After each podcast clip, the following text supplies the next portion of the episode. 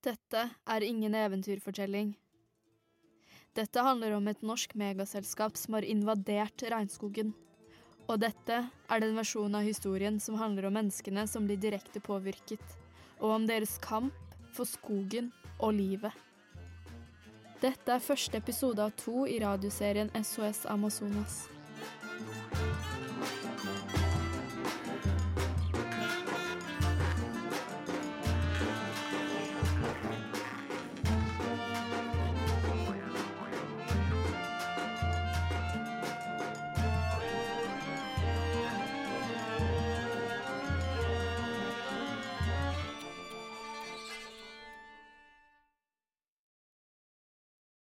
Norges skryt for innbetalingene til Amazonasfondet er imperialisme pakket inn i grønt. Virkeligheten er at norske selskaper henter ut millioner mer i profitt fra miljøødeleggende virksomhet. Og til tross for at det var rekordåret for avskoging i 2020, skal Norge bli med i frihandelsavtale som tilrettelegger for mer avskoging. Heldigvis finnes det motstand mot de ødeleggende kreftene. De kjemper for sitt territorium, sin fremtid og deres barns fremtid. De kjemper for oss alle. I denne radiodokumentaren skal vi zoome inn til den nordbrasilianske industribyen Barcarena. Der finner vi det delvis statseide norske selskapet og gruvegiganten Hydro. Men i Barcarena bor også Mijam Ribeiro og Sandra Morim. De er to av kvinnene som står i front for hvert sitt område, og er naboene til Hydro.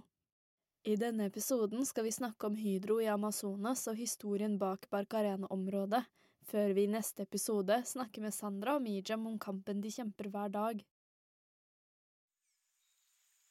Amazonas er verdens største regnskog og en av de viktigste vi har. Det er vår grønne lunge som lagrer tonnevis med karbon og huser en tredjedel av verdens dyre- og planterike. Elvene som renner, er kilden til 20% av verdens ferskvann, og regnet fra skogen påvirker regnmønsteret langt utenfor Sør-Amerika. Skogen er også urfolksterritorium og bebodd av flere hundre ulike urfolkssamfunn, men Amazonas er under angrep. Fra 2019 til 2020 ble 11 000 kvadratkilometer med skog borte. Det er dobbelt så stort som Oslos areal, eller omtrent 1,5 million fotballbaner. Årsakene til den økende avskogingen ses i sammenheng med politikk som ønsker profittjag velkommen inn til skogen, fremfor å ta vare på menneskene og naturen. Utvinning av mineraler, kvegdrift og soyaplantasjer er noen av interessene for å ta seg til rette i skogen.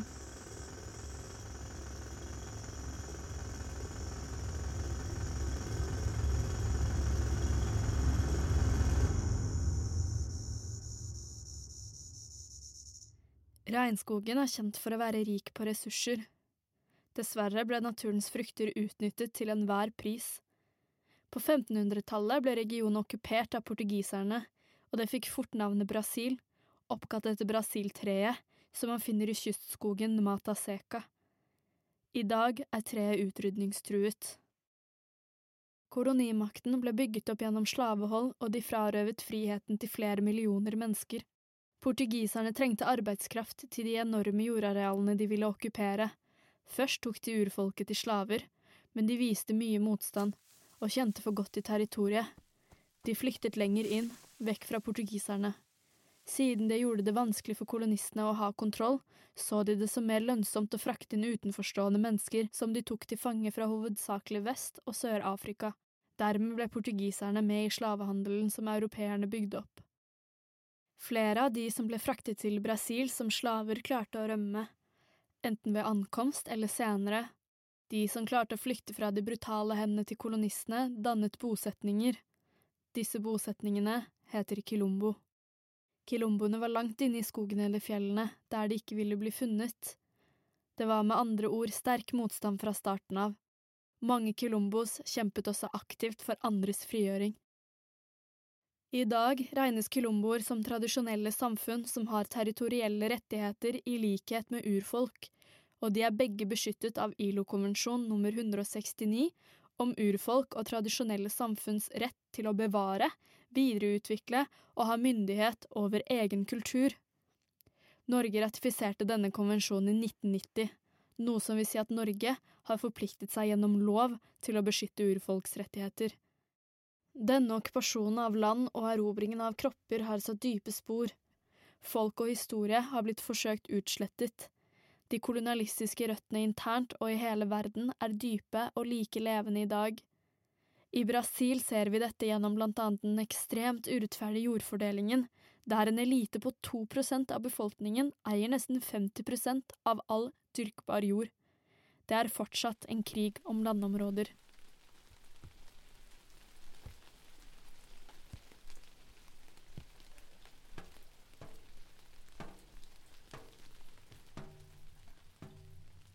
For å forstå Hydros rolle i Brasil skal vi snakke om hvordan de opererer i regnskogen og konsekvensene dette har for naturen og folkene som lever tett på. Etter Equinor er Norsk Hydro det største selskapet i Norge. Den norske stat eier omtrent en tredjedel av Hydro. I 2010 kjøpte Hydro opp deler av aluminiumraffineriet Alunorte fra det brasilianske gruveselskapet Vale, dette til en pris på 27,2 milliarder kroner. Norges største utenlandskjøp. Bauksitt, råmaterialet bak aluminia, er nedbrutte mineraler og ligger konsentrert i 100 meter tykke skorper på jordoverflaten. For å komme til bauksitten må du fjerne trærne og alt annet levende først.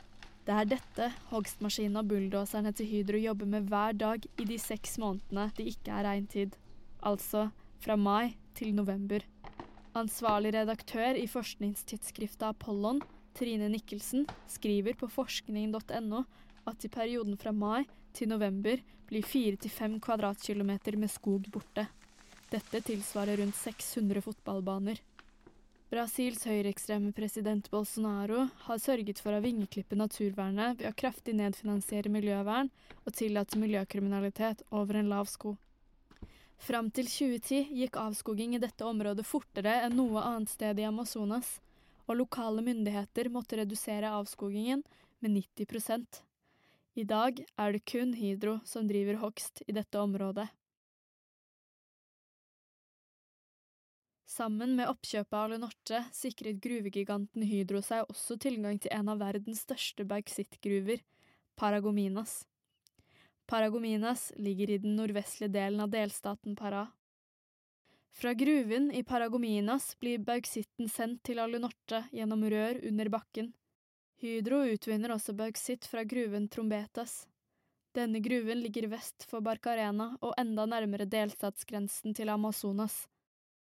Fra Trombetas blir bauksitten fraktet med skip til Alunorte, og fra Alunorte fortsetter produksjonsprosessen der råstoffet bauksitt blir gjort om til aluminia. Avfall fra produksjonsprosessen skal bli lagret i deponier. Disse restene blir kalt rødt slam og kan være farlig for miljøet dersom det ikke tas hånd om riktig. Alunorte har to avfallsdeponier hvor de bevarer rødslammet, DSR1 og DSR2. I februar 2018 fikk Hydro stor plass i brasiliansk og norsk media. Hydro Alunortes anlegg i Barcarena hadde sluppet ut rødslam Slammet fra produksjonen kan være miljøskadelig, og det hadde funnet veien inn i drikkevannet til lokalbefolkningen. Deponianlegget deres, DSR1, som er der rødslammet blir lagret, var ikke robust nok. Denne dagen hadde det vært et regnvær som var for tungt til at deponiet kunne takle det. Derfor så de seg nødt til å slippe ut noe av rødslammet. Ifølge Hydro var dette et ekstremtilfelle, og ble kun gjort for å forebygge en enda større katastrofe men Hydros første respons etter ulykken var å nekte for at det hadde skjedd. Det var ikke før senere de innrømmet at de hadde sluppet ut miljøødeleggende stoffer i Morokopi-elven gjennom en ulisensert kanal, kun etter å ha fått gjennomgå flere runder i media og av sivilsamfunnet. Ingen av naboene hadde blitt varslet, men varselsignalet fikk de likevel, rødt vann fra springen. I tropiske strøk regner det 90% av året. Og siden Barcarene-området er en del av regnskogen, er det naturlig at det regner mye. Regnværet er faktisk hovedgrunnen til at Hydro er dypt inne i skogen i utgangspunktet. Det er nemlig regnet som skaper bauksitt gjennom forvitring. Det samme været kastet Hydro inn i en dyp krise i 2018 og forble som en tung sky over Alunorte, mens de ble gransket av brasilianske domstoler og myndigheter for miljøkriminalitet, beskyldt for korrupsjon og undersøkt av både sivilsamfunn og journalister. Lokalbefolkningen nær Alunortes rødslamdeponier har lenge meldt ifra om forurensning av både vann, jord og luft. Det har blitt påvist for høye nivåer av tungmetaller i bl.a. negler og hår, og de forteller at det ikke lenger er mulig å fiske i elvene. Dette ble bekreftet i rapporten som var utført av Evandro Chagas-instituttet, som er et brasiliansk forskningssenter og ideell organisasjon som fremmer folkehelse. Denne rapporten ble anklaget for å være falsk av Hydro. De saksøkte forskeren Marcello Limo for falske påstander og æreskrenkelser, men han ble frifunnet hos den føderale domstolen. Etter rapporten til Evandro Chagas-instituttet bestilte Hydro sin egen test for å sjekke kontaminering i nærområdene, og testen ble utført fire til fem uker etter regnværet. Resultatene kom ut i Hydros favør, og viste at det ikke fantes forurensning i nærområdene, men begge rapportene ble møtt med kritikk for å ha store faglige hull for å mangle etterprøvbare bevis. Jeg spør Hydro om de har kommentarer på påstanden om forurensning.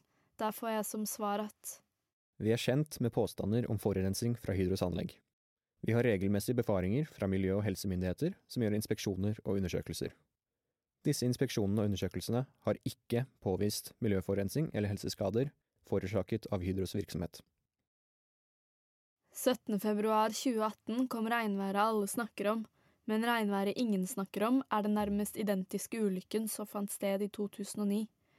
Da var det også et ulovlig utslipp av rødslam i Morokopielven. På dette tidspunktet var Hydro minoritetseiere med 34% eierskap over Alunorte-anlegget. Alunorte nektet miljømyndighetene i Brasil å komme inn på området. De fikk kun tilgang når de møtte opp med politi. Alunorte fikk bøter på drøye 35 millioner kroner av brasilianske myndigheter, og disse ble ikke betalt før domstolene igjen var innblandet etter ulykken i 2018. Den store forskjellen mellom ulykken i 2009 og 2018 er mengden med oppmerksomhet saken fikk. Likheten er den samme forklaringen. Alunorte skylder på regnværet, som lokalbefolkningen forklarer som normalt. Det var et kjent problem at deponianlegget til Alunorte ikke var rustet for det tyngste regnværet. Men i 2018 klarte de ikke å vri seg unna. Dette ga lokalbefolkningen mer makt. Men hvorfor ble det ikke tatt tak i allerede i 2009, eller når Hydro tok over anlegget som majoritetseier i 2011? Hendelsen i 2018 ble på mange måter sett på som miljøkriminalitet, selv om Hydro selv omtaler det som en ulykke Hydro ble pålagt å redusere produksjonen til 50% ettersom utslippene var et klart brudd på miljølovene. Produksjonsbremsen førte til et tap på tre milliarder kroner. Det var gjennom samtaler og avtaler med føderale og regionale påtalemyndigheter de fikk åpnet raffineriet til full produksjon, nesten ett og et halvt år etter utslippene fant sted.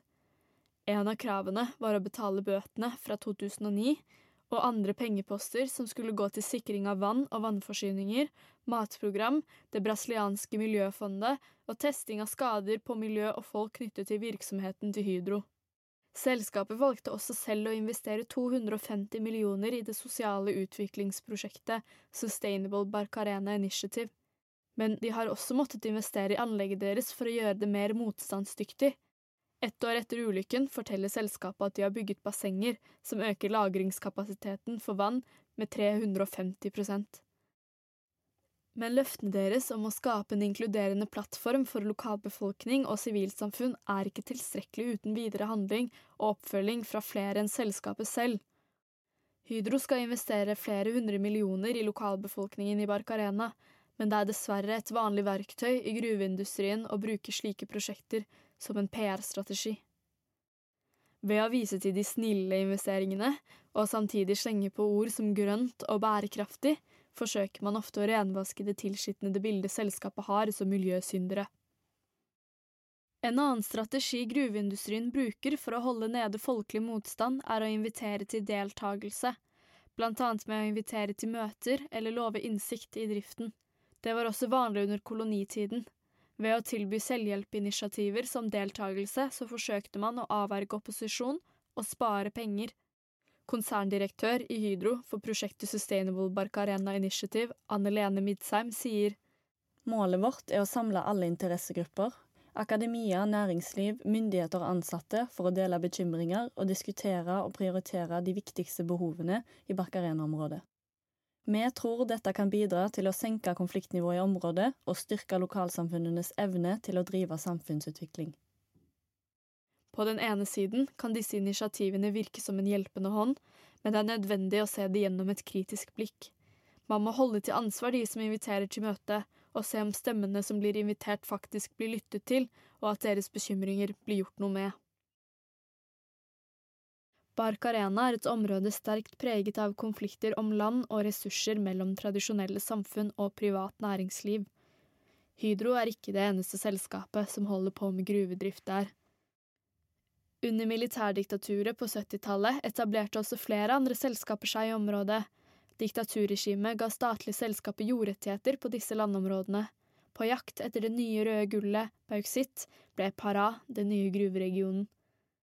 Det røde eventyret Jordas grønne lunger har vært en profittreise i milliardklassen for Hydro, og et ødeleggende mareritt for de som opprinnelig bodde der. Lokalsamfunnet har lenge vært i konflikt med selskaper i Barcarena-området. Etableringen av gruvedrift ble gjort med lite omtanke for lokalsamfunnet og konsekvensene dette ville ha for dem. I neste episode skal vi høre mer om landkonfliktene og forurensningen som har funnet sted i nærheten av Hydros industriområde. Da skal vi snakke med Mijam Ribeiro og Sandra Morim, som er naboer av Hydro og står i front for hvert sitt territorium.